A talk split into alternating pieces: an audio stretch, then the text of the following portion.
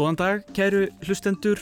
Við verðum í bandaríska söðrinu í bókvikunar í dag, nána tildekið Mississippi. Bókvikunar á rás 1 er skáltsagan sem ég lág fyrir dauðanum, eða As I Lay Dying, eftir bandaríska rittöfundin og Nobels veluna hafan William Faulkner frá 1930. Bókin sem er fymta skáltsaga Faulkners þykir ein af hans merkustu verkum og eitt af stórvirkjum mótenismans á 20. öld.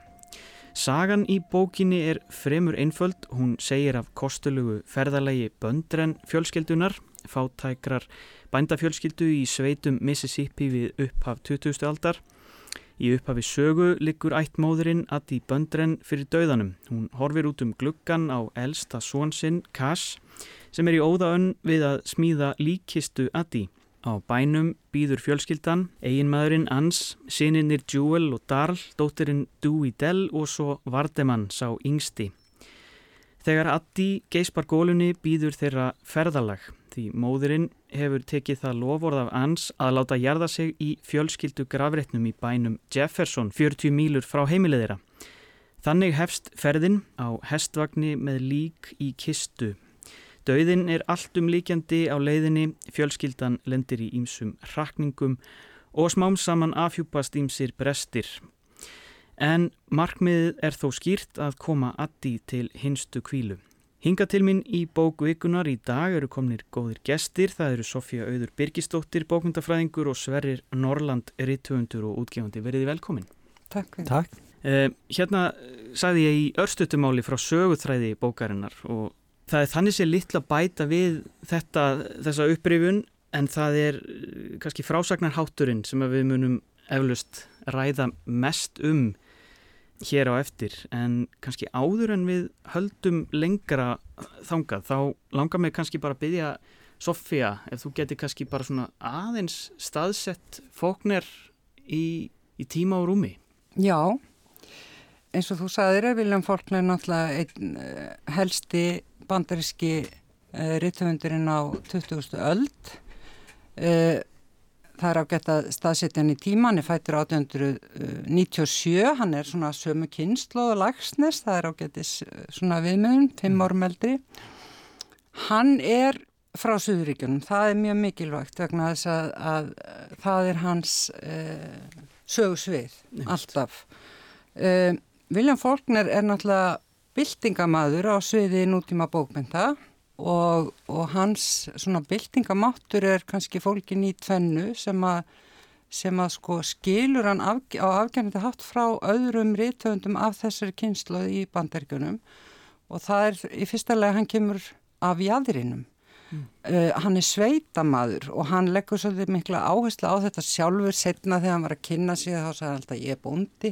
Vildi að, að, að svona, það væri svona þessi lifandi mynd á hannum en við skulum samt ekki gleyma því að hann var mjög vel að sér í bókmyndum vel mentaður í bókmyndum þannig að hann var nú kannski ekki alveg bara dæmigerður bóndi. Mm. uh, og og hann var í upphafi sko að það ætlaði hann verða ljóðskald og hann var mjög hallur undir romantík og, og leitt til svona evróskra romantískra skálda og, og orti sko ljóð í þeirra anda til að byrja með og jafnframt var hann mjög hrifin að góðsögum en svo líka heitlaðist hann að mótinistum eins og T.S. Eliot og mm. þannig að en, en þessi þessi grunnur, þessi romantíski grunnur og ekki síst góðsögurnar og Shakespeare sem hann náttúrulega las sér til óbóta eins og allir góður í töndar eh, við getum séð þessa þræði í öllum hans verkum líka þessum sko móternistisku verkum. Já.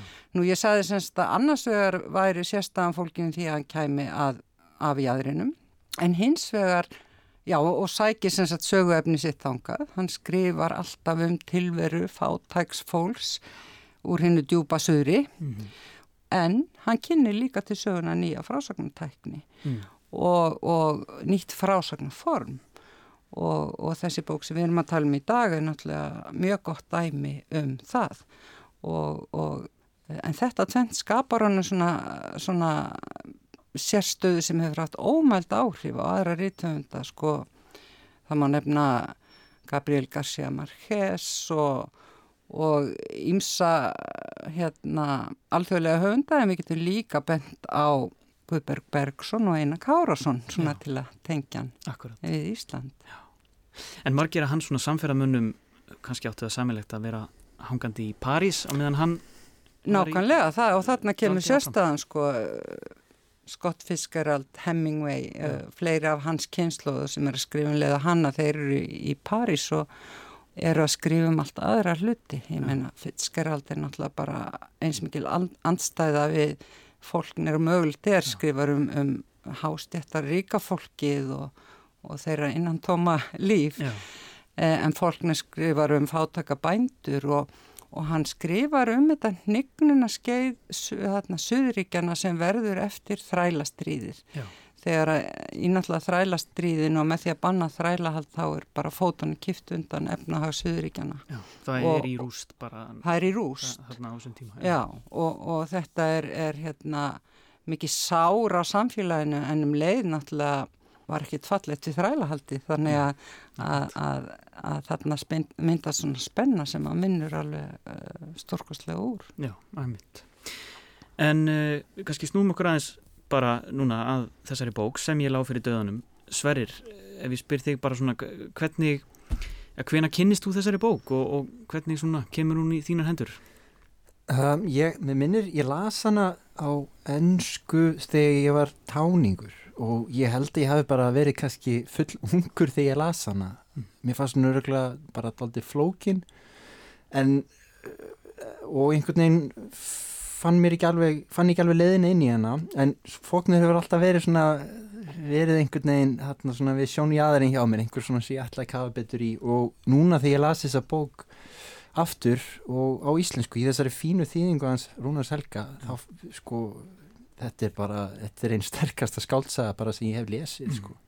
hún er og það er svo margt við hana hún er náttúrulega eins og Sofía bentu áðan hún er svo harmrænin um leið svo, svo grátt brosleg Mm. og þessi, þessi stóri tilfinningaskali og þessar miklu personur og þetta minnir þetta er eitt uppáðsleikriti mitt ef það er hægt að eiga sér þannig eftir Shakespeare er lérkonungur sem er kannski ekki frumlegt Mm. en ég hef stúdirað það svolítið mikið og, og ég kemst aftur í þennan svona ham þegar ég fer að lesa fóknir mér langar bara að sökka mér í Shakespeare og fóknir og einhvern veginn þeir eru þetta svo sterkir höfundar þeir gleip einhvern veginn allt Og þeir eru líka með öll þessi tengsl. Hann er, hann er, að, hann er að sko, skýrskota til evróskra bókmynda og allt aftur til fornaldar og hann er með, hann er með biblíuna, hann er með, hann er með svo marga texta einhvern veginn undirliggjandi. Já, og sko það er alveg rétt og sem að, hann væri ekki dæmigerur bóndi þá fyrir ég hugsa mér ekki best lesni, lesna stjætt Íslendinga í altanar og svo eru það ekki bændur en það var kannski Jú, og, og ég alltaf sko alls ekki að mótmæla því en ég meinti sko kannski, þeir eru kannski ekki inn í romantíkinu og Nei, góðsögunum eins og, og hann er fóknir náttúrulega sér, sérstakur sko, Já. þessu leiti Já, En mér minnir að hann hafi alltaf sko þóst vera miklu verðlesin en hann var. Hann, hann svona let ekkert mikið með þetta. já, já, Var það ekki? nákvæmlega, jú, jú. Og svona sagðist kannski að hafa lesið Moby Dick og Biblíuna en svona Mm. gerði svona, hann var svona svolítið svona stríðn í honum. Já, Svo er mér líka hugsað um það sko að því að í þessari sögu sem sagt eru 15 rattir sem takast á. Mhm. Fjölskyldan og, og svo aðrir þarna í, í græn, bóndi, læknir og, og fleiri og fleiri. nágrannar og vinnir og, og aðrir. Já. og, og þannig að úr verður þessi kór og Mm. það er líka eitthvað svona sem manni finnst næstu að vera eitthvað svona bara grískur kór. Grískur ha- harmleikur já. Það syngur samt aldrei saman. Nei og, maður fær ólíkar sko ólíka sín og söguna eftir hver hefur orði hverju sinni Já, og ég held að það er önnur bók sem uh, ég he- held svolítið upp á og fleiri hérna á Íslandi held ég að hafa heilast af, af, af, í áratugunar ás og það er Mm. þess að Winesburg, Ohio eftir Sherwood Anderson sem Mm. var nú uh, vinnur hans Faulkner. áhrifavaldur þannig að ég held að, Mm. og það er þess að smásagnasap eða svona, Mhm. við gætum kallað það sveig, en þetta eru sögur bara í sama heimi, það geta staðið stak, eða eina sér Mm. en það er kallast á og, og það eru söm personur, ég held að þú hana, bók hafi örgulega haft afgerandi áhrif á fóknir og svona leiður örgulega til þess að hann skrifa svona frásög sko. ekki spurning. Og, og af því að við nefndum líka um, nefndum París hana, sko áhrif fóknist í París held ég að vera mjög sterk og mér verður nú að hugsa til bara ömbróðu mín Tórs Viljónssonar og, og, og hvernig hann skrifaði og alla rattirna sem takast á í textunni á honum, hann var náttúrulega gífarlegum áhrifum frá fóknir. Já, frakkar vilja líka egna sér það að hafa uppkvöta fólk. Já, og ég er eiginlega búin að gleipa það, mér finnst þess frakkar eru svo góður við að, við, í því að sko... Þeir lift honum upp sem að, sem að bandarækjumann hafði ekki gert fram á því. Nei, er það ekki bara staðrind? Það er, það er staðrind. Þeir eru svo mótækilegir fyrir þannig að hann áttu alltaf mikið undir þeim. Já, já, mjög mikið. En, en, en, en sens að þetta er, þetta er sko, þetta er, þetta er krefjandi bók líka, þetta er krefjandi mm. lestur, maður, maður, maður sko, maður lesa hana hægt mm. og þetta er, þetta er, þetta er náttúrulega frábær afþreying en þetta eru alvöru bókmyndir. Já, já. Þetta þólir marg, eh, sko, ítrekkaðan lestur, lestur og, og einhvern veginn maður, hún, hún bara stækkar og stækkar og stækkar. Já. Það eru mörg svona þemu í þessari bók, það er auðvitað döiðin, uh, döiðin er nú bara í teitli bókarinnar og, og, og svona bara tilvistarlegar pælingar, uh, svona existentialísk að mörguleiti, það er þessi hörnun eða hnignun sem þú nefndir Sofía, mm -hmm. bæ, bæði svona einstaklingsbundin en líka bara samfélagslega og efnaðslega mm -hmm. hnignuninn. Um, og svo er vegurinn og svona lóðurétta og lárétta svona að vera og, og vera á ferðinni, það er svona ákveðið þema, svo er fjölskyldan og fjölskyldutengsl og, og svona ímislegt sem við munum ræða hérna en ef við, ef við kannski bara förum yfir í e, frásagnarháttina því að það er svona kannski það sem að bókin er einna frægust fyrir og það eru eins og þú segir sverir 15 personur sem að svona segja frá Um, og kannski bara svona einfaldast að byrja á nefna Darrell sem er, Já. hann fær mesta plásið og hann er svona uh, ljóðrænastur af þeim og, og maður svona fær kannski mest, bestu myndina út úr hans textum, eða út úr hans lýsingum kannski svona límið Þetta eru náttúrulega, já, þetta eru 59 kablar mm -hmm. og sem, sagt, uh, sem að þessar 15 rattir skipta millir sín en skiptingin er mjög ójöfn Darl fær 19 kabla uh, langstæsta plássið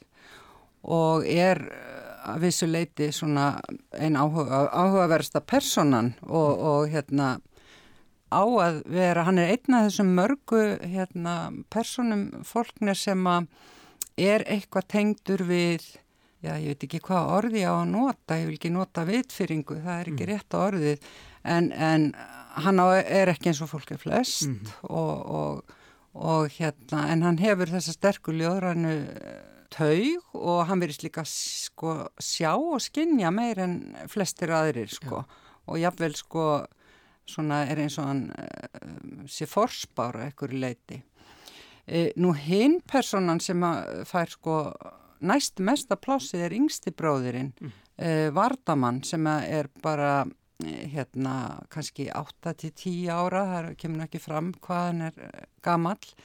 En hann talar í, í nýju köplum og, og hann er náttúrulega eins og, já, mér langar að segja sko að því ég las bókina núna aftur, að þá kom fyrst upp í huga minn þetta er saga af fólki í áfalli. Þú veist, fjölskyldan er í áfalli og það er veginn kannski aldrei runnið einn stert upp, upp fyrir mér eins og því ég las bókina núna. Og við erum að upplifa sko mörg stíg mörg stíg af áfalli sko, móðurinn er, er dáinn mm. og yngst, yngsta barni skilur það ekki og viður kennið ekki og tengir það á eitthvað fyrðulegan hátt við fisk sem hann veitti mm. og, og sér eitthvað neginn eh, sko samsvörn á milli móðu sinnar og fisk sinns og kannski sakar hann sjálfa sig um að hafa eiga eitthvað að söka því að hann veitti fiskin og drap fiskin. Veiður hann á meðan hún er á lífi. Já, já, já og, og þetta er nú líklega eitt frægasti kaplin í bókin er þessi eina setning, mm. móði mín er fiskur.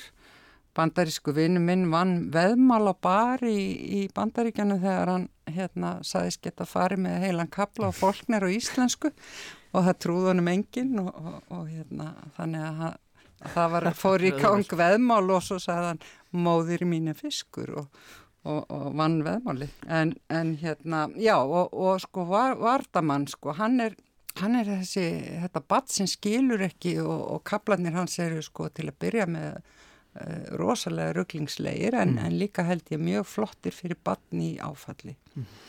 og, og hérna svo koma Uh, elsti bróðurinn Cass fær fimmkabla, dóttirinn Dewey Dell, hún er nú í persónulega áfallega því að hún er ófrísk og, og það er náttúrulega er mikið vandamál og hún er að reyna að leita leiða til að losna við fóstrið allar mm. tíma þannig að hún kannski hefur ekki alveg sko tíma til að sirkja móðu sína, hún er svo upptekinn af, af eigin áfalli mm -hmm. og svo Jewel sem er náttúrulega förðulegasti eiginlega bróðirinn sko og, og sem er hálbráðir hinna, var til í, í, í framhjáhaldi móðurinnar. En þetta er, sko, hann kemur, hann tala bara einu sinni. Já. En við fáum hins vegar mjög magnaða lýsingar á honum í gegnum Darrell. Mm. Þannig að það teiknast hann upp, upp sterk mynd á honum, sko. Mm. Og, og já, svo fadrin kom nú að honum kannski á eftir, er nú alveg sérstök típa og, og, já, og, og móðurinn sem að talar jú, fær röttina einu sinni Já, hún fær eitt kapla Hún fær eitt kapla en, en sem skýrir hans sem margt Og sem skýrir hans sem margt en, en pappin hérna sem svitnar ekki. Sem svitnar ekki. einhvern tíma þegar hann var ungum maður þá var hann að störum út að akri í sólinu og, og hann veiktist eitthvað og, og svo sveittur og síðan þá er hann haldin einhverju svona fælni Já, hann telur öll að hann sjálfum sér öðrum trúum já, það og notar það kannski okkur grunar að noti það sem afsökun fyrir að þurfi ekki að starfa uh, við erfiði svinnu Við getum líka, við getum eiginlega sagt bara að hann er latur. Það er bara einfaldasta. Já, hann er svona sérgæðingur og svona rappur sko. og svo náttúrulega vakir fyrir honum, það er svolítið svona komisk klið á sögunni að hann er tannlaus mm -hmm. og hann eh, sko, hann heitir konun sinni hann á dánabeðinu beðinum hérna að fara með hana til þess að nálega bæjar, Jefferson og hún er það, en hún vil láta grafa sér þar mm -hmm. og, og, og hann vill ekki svíka þetta lofvord og, og þannig að þau halda þarna áfram sama hvað á dýnur en svo komist við smá saman að því að hann ætlar í rauninni líka að kaupa sér tennur í leiðinni, í leiðinni. og ná sér í nýja konu. Og ná sér í nýja konu með þessu og, og hann ánátt ekki fyrir því að kaupa sér nýjan tangar þannig að hann er svona með ímispjót út um að ná sér í peninga fyrir það. Og gerir það, þannig að hann er svona hálgerðu skurkur en hann er eiginlega of brjóstumkennarlegur til að vera einhver svona skurkur en líkir sér sko á þess að gera það beint en við náttúrulega skinnjum það hann líkir sér stöðtu í jobb sko. Já, það, er, það er engin maður í við, viðri veröld eins lánulegs og hann Nei, og hann lagt eins mikið á hann tönnlast á því og segir það ítrykkað hann segir það aftur og aftur. svolítið svona narcissisti. En, en, en sem sko frásögn það var ég að hugsa sko ég held að kannski stundum í svona nýri skáldsögum þá vantar ja, sögumar personur einhver svona skýr mótíf, einhver svona, einhver svona kvata í sögunni. Mm. þessi bók er algjör skóli fyrir höfunda í því. Allar personurnar, það eru 15 personur allar mm. skýrt mótaðar, engin rött einhvern veginn svona, ó, oh, nú er það þessi rött engin óþörf. Nei, engin óþörf. Allar mynda saman þetta net. Og allar personurnar vilja eitthvað og það er svona, dæmi ger svona ráðlíkingu að skrifa sögu, láttu personurnar sko vilja eitthvað, mm. vant eitthvað það sé ekki nema vasklas en þarna er, og þannig að allar eru þær með einhverju svona drift og, og svona, mm. og, og ég, ég veldi þessu svolítið fyrir mig því að lasa hana núna, hvað það er ofbáslega flott og samfærandi og svo líka, eins og nefndir Sofía, þarna Vardamann strákurinn Já. þá sá hluti hreyfir einhvern veginn ótrúlega stert um mér núna, mm. þarna þegar hann sko áfallið, hvernig Já. hann lýsir því Já. bara þannig að við skinnjum það hann, ald, hann færi það ekki treynd í orð náttúrulega, þetta er rödd bassins mm. þegar sko hann veiðir fiskinu einhvern veginn slæri svo saman, dauði fisksins og svo, og svo móðurinnar mm. og verður einhvern veginn einn dauði og þau renna saman að, mm. veist, og, og þetta virkar eitthvað svo langsótt höfmynd í meðfyrum einhvers minni sko höfmyndar hefði þetta bara hjákállega og hann grýpur hérna bór og gerir gött á kistuna Já, og, og... það er hannu grátbróslega hliðin hann að þau bóra tvær hólur í höfuð á móðurinni mhm. Já, hann gerir það Já. þegar hann er að búa til loftgöta því hann eh, vill ekki trúa því hún setja á hann sko. en sko og þá höfum við svona aðeins talað um alla nema móðurina sem að er kannski í raun og veru aðal persóna bókarinnar sko. hérna, bókin snýst um hana og hún er ofbáslega flott uppbyggð sko. fyrstu kaplarnir áður hún deyr þá er þessi sífældu hamarshögg í kistunni sem að vera að smíða fyrir utan mm -hmm. glukkan þar sem hún uh, liggur og það er uh, elsti sonurinn þessi mjög samvisku sa sami og, og og sjálfsfórnandi, Kass sem að er að búa til smíða þessa kistu fyrir móðu sinna og vill að hún fylgist með og sjáu hvað hann er að vanda sér mikið mm -hmm. og svo er náttúrulega bókin eh, snýstum að flytja þessa kistu og þetta er enda lofar sem að anska henni sko eftir hún eignast annað barnið mm -hmm. þá var hún svo hérna var hún svo fyrst frá sínum aðstæðum og að, að hún bara gæti ekki, hún, hún, henni fannst hún ekki tilera sér fjölskyldu og gæti ekki hugsa sér að, mm -hmm. að, að kvíla þarna í í, í gröf með, hjá henni. Það er náttúrulega ótrúlega svona harmrætt kjarni í þessari sögu sko. Já og, kaplinn það sem hún talar sko.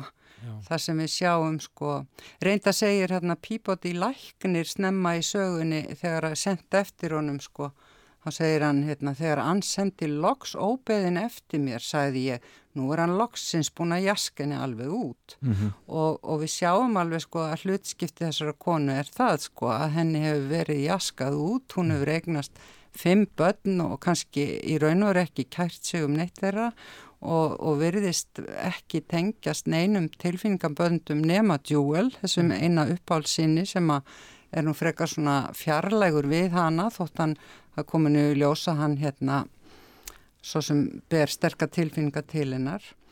Og Kóra, hérna nágranna konan sem er hérna þessi Trúrækin og fróm. Trúrækin og fróm með þessa innantómu kristnu orðræðu hún segir á eitthvað stað þetta hefur verið erfitt líf hjá henni en svo erum alla konur. Og Mér finnst þetta mjög, sko, þetta er svo stert í bókinni, sko, þetta hlutskipti eh, þessara fátæku konu þarna sem er óhemgisam í hjónabandinu og í raun og veru finnur bara, hún er sífælt að ræða eða að hugsa um sína tilvist og hún er algjörlega tengslalauðs við eiginmannin hún finnur ekki einsinni tengsl við tungumálið sko. Nei, já, hún hafnar tungumálið. Hún hafnar tungumálið. Orðin dögi ekki til að lýsa því sem það eiga að lýsa. Nei, vegna þess að orð og gjörði fara líka Æ, ekki saman og það, uh, þetta er mjög áhugaverð umræða um, um tungumálið. Já, sko. Og ans trúir alveg heitt á tungumálið. Já, en ekki á verkin. Ansir er raunni maður orða og svona flámælgi og, og svona og, en, en hún er svo sem heldur heimilinu sannlega gangandi. En mm. mér er svolítið flott, þú ert að nefna þetta Sofía, bara hvernig Mér finnst fóknir lýsa miklu næmni sko, hlutskipti þessara kvenna. Algjörlega, mér finnst bókin vera mikið um það. Sko. Og, og hann meiri segja einhverstaðar talarinn um að sko, það, það sé farið með þær eins og bara einhver kvenn dýr þeir sem slitið út sko, og, svona, og, veist, og myndið sem hann hefur eftir þetta er, er sko, þetta situr mjög stert í mér. Já og svo er líka eitthvað svo rosalegt þetta sko með allar þessar badnegnir og hvað hva hún hún getur ekki eins og elska börnin sko. Hún hefur ekki alltaf tíma til þess. Já, nema djúel og, og segir um hann sko, hann er minn kross en verður mín sáluhjálp, uh, hann mun forða mér frá vatni og eldi, tókuð eftir mm. þeirri setningu hennar, vegna að það er nákvæmlega það sem hann gerir svo á ferðalæginu Hann, sko, djúel uh, bjargar henni mm. upp úr anni og, og, og brennandi hlöðin og svona Já, svolítið merkileg hérna, uh, tenging þarna sko. Já, þau vilja tvísvar sem þau nánast glata Já, ég lendi hérna hrakningum að því að sko fljótið er orðið svo strömþungt mm. þau komast ekki yfir og brýrnar eru sko bara rinja Mm. Þetta er náttúrulega ferðalag er náttúrulega engu, engu líkt. Þetta ja, er svo gróttekst, allt sem gerist. En það endur speiklar þetta áfall. Sem, já, sko, já, já. Þetta er ekki rauk, það er ekki tekna raukréttar ákvarðanir hérna mm. á ferðinni og, og svo er það en kass sem hann, hann brítur hérna fótleikin aftur já, já. Og, og þau steipa fótleikin inn í einhvern svona heimangert gifs á einhvern svona Steipu mjög já, einhvern svona mjög klustuslegan viðmennings sko, er, og hann kvenka sér aldrei og... neinu, segir þetta er allt í lægi og, og, og svo náttúrulega já, maður ljóstrar upp, þið lókið þá bara eirunum sem hafi ekki lesið bókina náttúrulega Daral síðan í svona, þessari, einhverju svona æði kveikir í hérna hlöðinni mm -hmm. Og það gerur hann í vísvitandi skilsmanni til þess að, að brenna kistuna því að líkið fara að lykta langa leiðir og það eru hrægamar á eftir Já, þeim gammurinn hann komin. og, og hérna Þetta er niðurlegandi fyrir þetta er svo móður hans. niðurlægandi fyrir móður hans og fyrir þau Mm. öll að, að hérna Þau upplifið þetta svo ólíkt. Já. já, Sumir halda að þetta sé hún eða eins og Jewel finnst þetta vera móður sín, þetta er Addi sem er hann í kistunni Mm. og svo eru aðri sem finnst þetta vera bara orðið uh, Já. bara sem þarf að losa sig við já, Já. já, já, en svo það er svolítið merkir að því að bókin heitir Sem ég lá fyrir döðanum Mhm. og það er flottu kapli hérna sem ég merti nei, hérna lína sem ég merti við og sá sem, sá sem á orði það er Peabody Læknirinn já, og hann segir í mann að þegar ég var ungur leiti svo á að dauðin hefði með líkamann að gera nú veit ég að hann tengist einungi starfsemi hugans og þá huga þeirra sem verða fyrir ástvinna sinu Mhm. þannig að í rauninni og, og, og Rúnar Helgi skrifa mjög fróðlega og fínan eftirmála. Mhm. og, og í rauninni er móðurinn að deyja alla frásögnina. Já, í í hugum. Hugum fólksins. Afkomendana Af og því í að- hugum að því að við erum til í höfðinu okkur og höfðu þeirra sem þekkja til okkar. Og, og þegar við kveðjum þá náttúrulega er einhver svona ímynd eða hugmynd um okkur sem lifir enn en líka minn er bara búin að breytast í Já, og tilgangurinn með lífinu er líka að búa sig undir að vera dáin í langan tíma, Já, segir fadir uh, Addi og hún, hún hérna og svo setning kemur svona Já. aftur og aftur. Þannig að þessi títil sem ég lá fyrir döðunum hann, hann er svolítið margraður. Já, og hann er eiginlega svolítið kannski líkillin að svona skilja þessa helstu svona stóru fleti á þessari bók af því að það er líka þetta að liggja fyrir dauðanum af því það er mikið talað um eða ans talar um hér lárétta og lóðrétta. Það er ferðalegið og uh, það að vera staðsettur og, og, og svona ja, kyrsettur Já, vegurinn, þau búa, Já, með, vegurinn. þau búa, búa þau ekki við veg þarna og, og hans finnst það við mikil bölfun Já, Já, að það vegurinn tógar í fólk. Hann vil kvíla kyrr eins og tré. Mhm. Ég sagði Addi að því fylgdi engin gæfa að búa við veg og hún sagði eins og hvenna er vandi Nú, þá skal þið taka þið upp og flytja. En ég sagði henni að það færiði enga gæfu vegna þess að drottin ætlaði vegina til ferðalaga. Þess vegna lagði hann þá lárétta á jörðina. Þegar hann ætlar einhverju að vera á sífældri reyfingu hefur hann það á langvegin eins og veg eða hest eða vagn. En þegar hann ætlar einhverju að halda kyrru fyrir lætur hann það snúa upp og niður eins og tre eða mann. Og þess vegna ætlaði hann fólki aldrei að búa á vegi því hvort kemur á undan, segi ég, vegurinn eða húsið. Veistu til þess að hann hafi einhver tíman sett niður veg við hús, segi ég. Nei, þú veist ekki til þess, segi ég, vegna þess að menn unna sér aldrei kvildar fyrir en þeir hafa komið húsinu sínu fyrir þar sem allir geta skýrt í dyrakettina sem aka hjá. Svo fólkið verður eirðarlaust og vil endilega taka sig upp og fara eitthvað annað, þótt hann að ætla því að vera um kyrt eins og tre eða kortstöngli. Því ef hann hefði ætlað manninum að vera stöðut á ferðinni og á leiðinni eitthvað annað, hefði hann þá ekki sett hann aflangan á veginn eins og snák, liggur í hlutarens eðli að hann hefði gert það. Mér varst þetta aldrei áhugavert, þetta er svona ekki endilega eins og ég hugsa um heiminn dagstælega en það, það eru svo margar og frjóar og áhugaverðar hulleðingar mm. og hvernig hann steipir saman í mynd öllu þessu þessum biblíuvísunum og, og, og heimsbyggi og, og svo bara þessi, þessi svona móternismi og hvað við viljum kalla þetta En þetta með sko að liggja fyrir dauðanum þá, þá velti maður fyrir sér sko hvort að það sé þá líf eftir dauðana því að, að, því að það, það er ferðalag einhvert og hún fær rödd hugsanlega eftir dauðan Mhm. þannig að það er kannski það sem að svona það er þessar rosalega stóru tilvistalegu spurningar hvenar maður er og hvenar maður er ekki og, já, já. einmitt Mhm. og svo er þetta líka með uh, svona bara hilki utanum lífið líka minn utanum einhverja tilvist, tilvist og svo er uh, kistan utanum líkið og svo er uh, Dewey Dell með barn inn í sér Já. þetta er allt svona uh, lítil tákn út um allt og, og svo er hún alltaf áfram leiðandi afl í lífið þeirra eftir hún er dáin af því þau fari í þess að ferð fyrir hana en það er kannski Já. fyrst þá sem hún byrjar að stjórna sittur í stjórnvölin sko. ég, ég, hérna, Nú talandi um tákn sko að hérna uh, ég man ekki hvort svo spurningar í eftirmálunum eða hvað hérna er, er hún í helvíti? Uh, vegna þess að það er, þið munið að það er sífælt uh, verið að vísa til brennisteinslíktar í kring. gammatnir eru þarna fyrst einn og alveg upp í tíu alltaf svífandi Mhm. yfir. Uh, þegar að um, þau lenda hérna vagnin með kistunni og hann í ánni og þá kemur svona bjálki sem reysist upp sem að kvolver vagninum Einmitt. og honum er líst sko sem með geithafus andliti Já, þú veist sem er náttúrulega annað svona eitthvað takk fyrir djöfulinn sko um, en er ekki sko helviti addjar held ég hafi nú bara verið lífið sko Mm. sem hún lifði Já. sko og, og kannski er þá eðlilegt að þetta sé þarna allstaðar og sveimi. Þetta er bara svona dæmi um hvernig hann sko, hvað textin er þéttur. þetta er eiginlega óþólandi margslungin bók, mann Já. er fallast hendur Já. handspenni, svona snildar verki sko. Mm.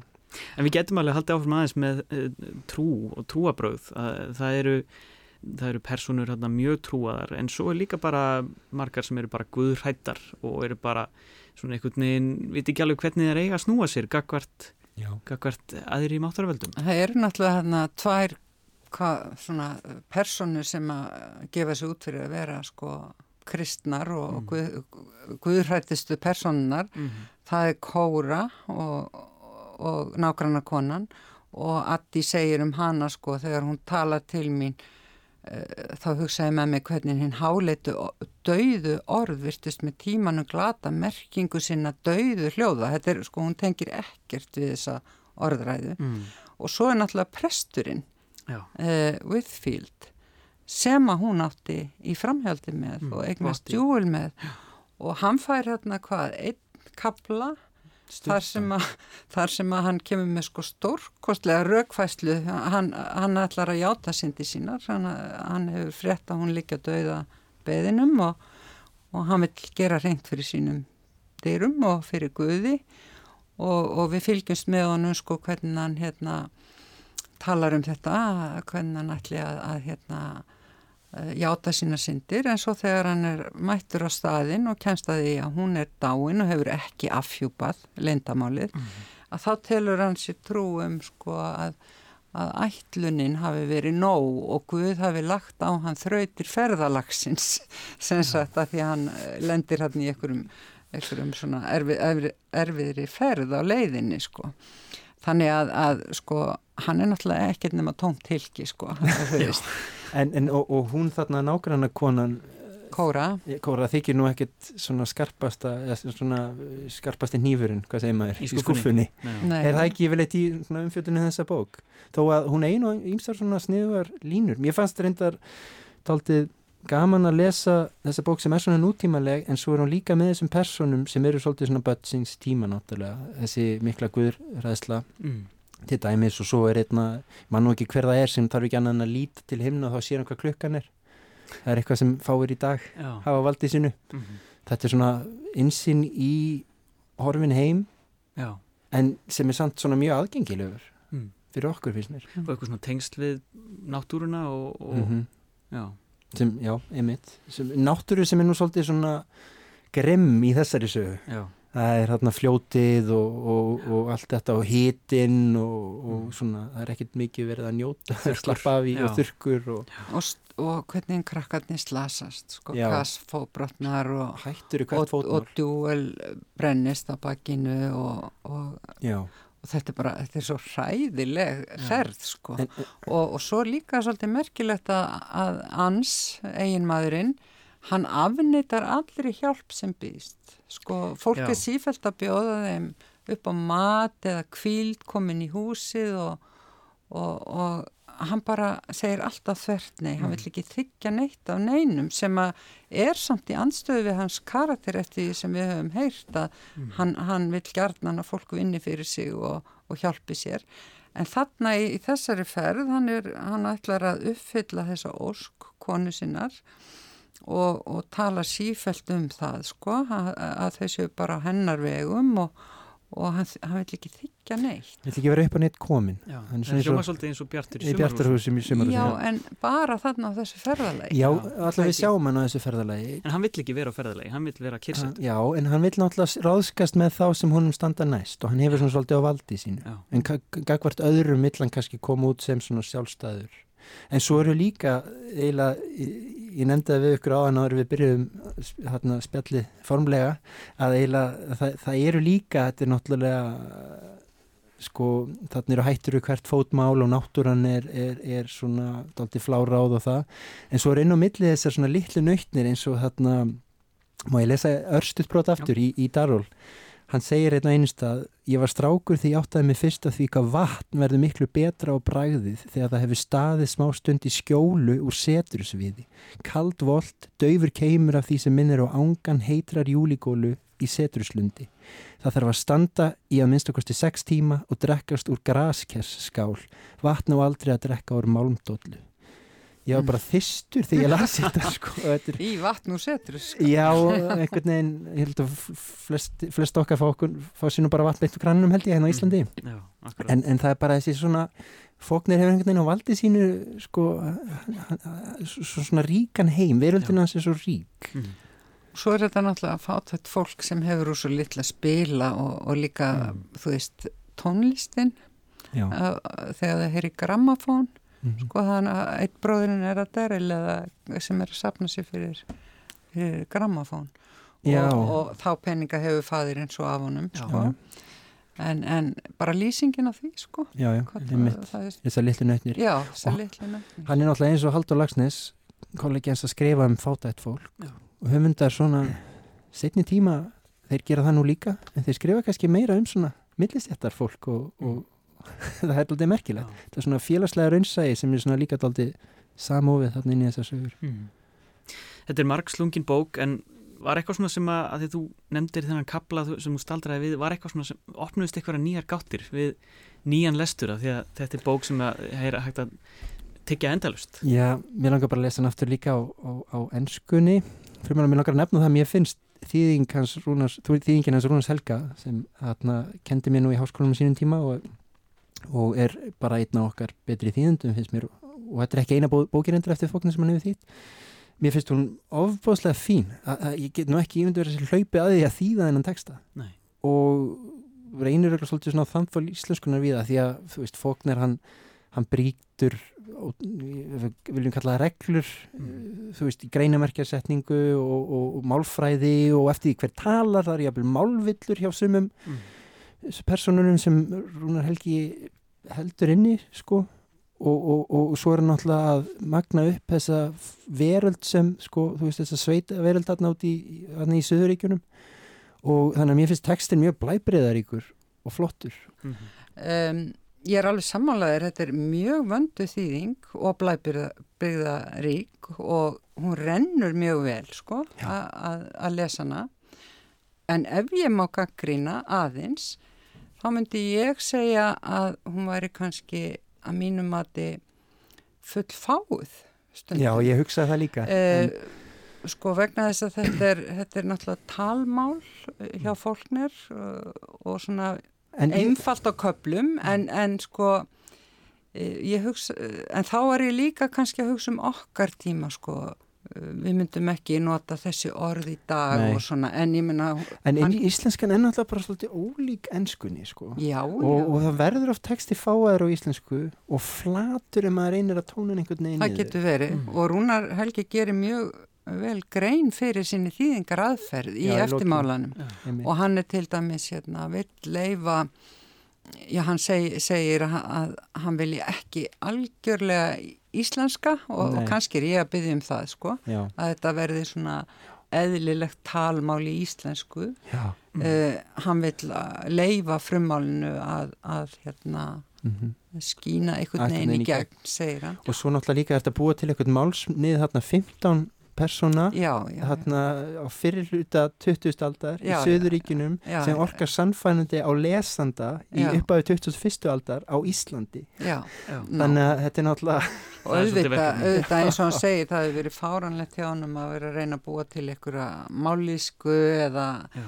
þú veist, það hefur bara virkað ankanlegt en já, þetta er bara virkilega vel gert. já, Ég held að það sé bara komið að leiðarlokum hjá okkur í þessari ferð. Við erum, ef við vísi í bókina, við erum komin til Jefferson.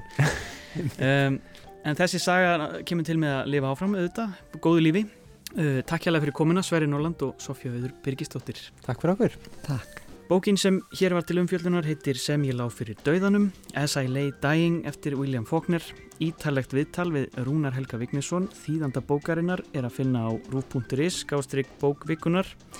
Einni er verðt að benda forvitnum hlustendum á mjög áhugaverða þryggjaþáttaserju um William Faulkner, þar sem Eirikur Guðmundsson fer yfir æfi og störf höfundarins. Þættinum á finna í rúf, spilarunum og í appinu. En það er viðjandi að enda þáttinn á tónum frá öðru Mississippi skáldi og samtímamanni fókners Robert Johnson. Hér syngur hann blúsinum Steinana í götu sinni, Stones in my Passway. Ég þakka hlustendum fyrir samfélgina í dag, veriði sæl.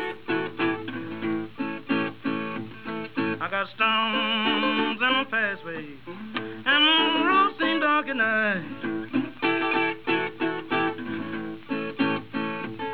I have pains in my heart, they have taken my appetite.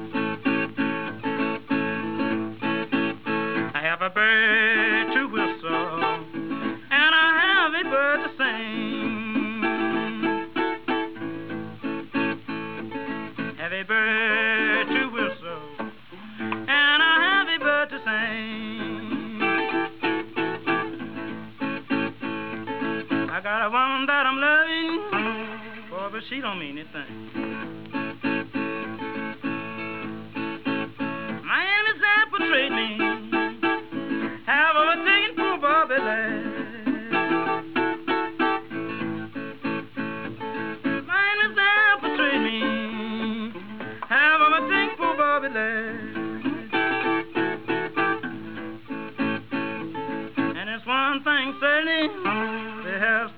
All in my face.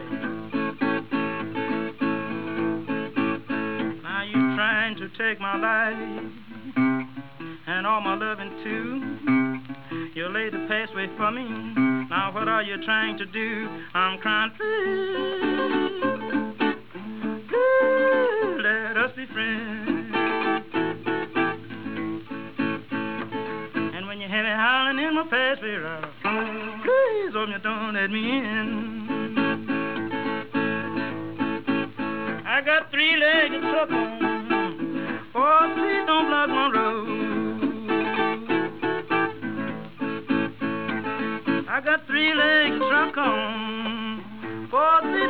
Road.